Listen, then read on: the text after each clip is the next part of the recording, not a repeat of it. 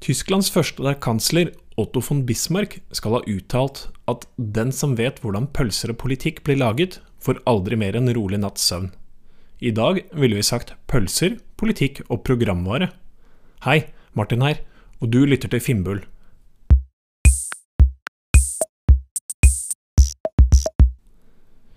Nylig var jeg ute og tok en koronapils med en god venn av meg, dvs. Si medbrakt i vannkanten på Bygdøy.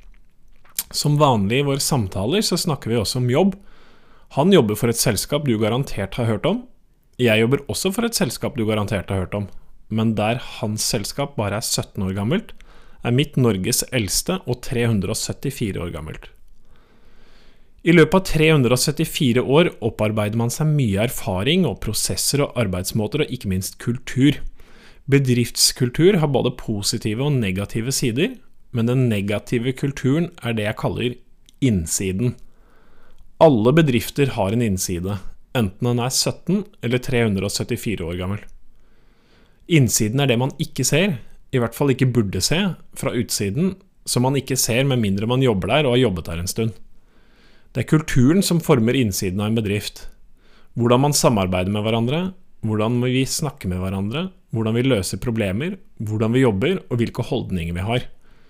Og innsiden er altså de negative sidene av alt dette. Så en liten overraskelse. Det er ikke negativt å ha en innside. Det som er viktig, er å anerkjenne at man har den. At det alltid er noe som kan forbedres, enten det er hvordan vi jobber, eller holdningene vi har. En viktig ting du trenger å forstå med innsiden, er at den aldri må bli synlig fra utsiden. Kunder, leverandører og partnere og alle som ikke er en del av bedriften, må ikke lide av det som ikke fungerer på innsiden. Kundene skal aldri måtte behøve å forholde seg til skjema RF 131242, fordi det er det dere kaller skjema på innsiden. Sentralt i smidig forretningsutvikling står ideen om kontinuerlig forbedring.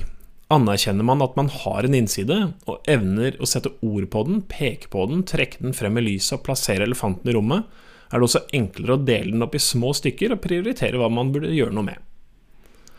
Har du lyttet til Finnbull episode 3 om teknisk gjeld, vil du forstå at det er paralleller mellom teknisk gjeld og innsiden, altså kulturen. Anerkjenner man ikke innsiden av bedriften, bygger den seg større over tid, og endringer blir stadig vanskeligere, akkurat som med teknisk gjeld. Har man derimot et bevisst forhold til teknisk gjeld, holder man den på et akseptabelt nivå over tid, og tilsvarende er det med innsiden, med kulturen. Legger man et positivt utgangspunkt til grunn for sitt arbeid, hvor man minimerer den negative kulturen og har et bevisst forhold til bedriftskultur, vil man se mange fordeler over tid.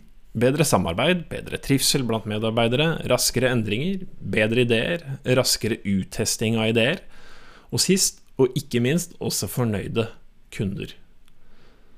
Hvis du nå sitter og lurer på hvordan innsiden ser ut hos deg selv, der du jobber, kan du starte med å tenke på de tingene som irriterer deg med din egen arbeidsplass.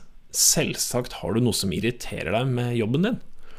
Du kan garantert tenke på minst tre ting som irriterer deg. Det er helt greit. Men hva er det som irriterer deg mest? Hva er det som hindrer deg fra å gjøre en optimal jobb? Det er ikke alt du kan gjøre noe med, og kanskje er det ikke noe du opplever som ditt ansvar.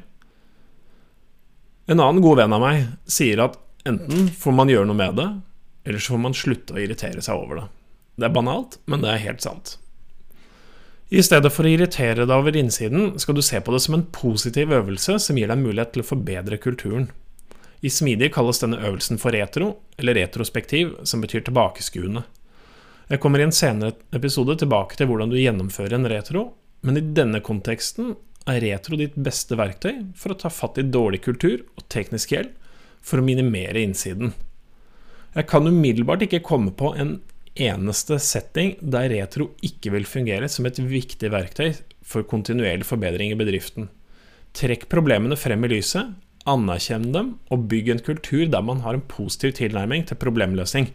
Her er et problem, det kan løses på denne måten, og jeg kan bidra slik. Regelmessige retroer og et bevisst forhold til hva som utgjør innsiden av din bedrift, er avgjørende for kontinuerlig forbedring og hvor godt bedriften lykkes når kundenes behov endrer seg over tid. Det var alt jeg hadde mellom ørene i dag. Har du spørsmål til denne eller en tidligere episode, eller mener det er et tema jeg burde dekke, besøker du fimbul.tech. fimbul.tech. Tusen takk for at du lytter til Fimbul.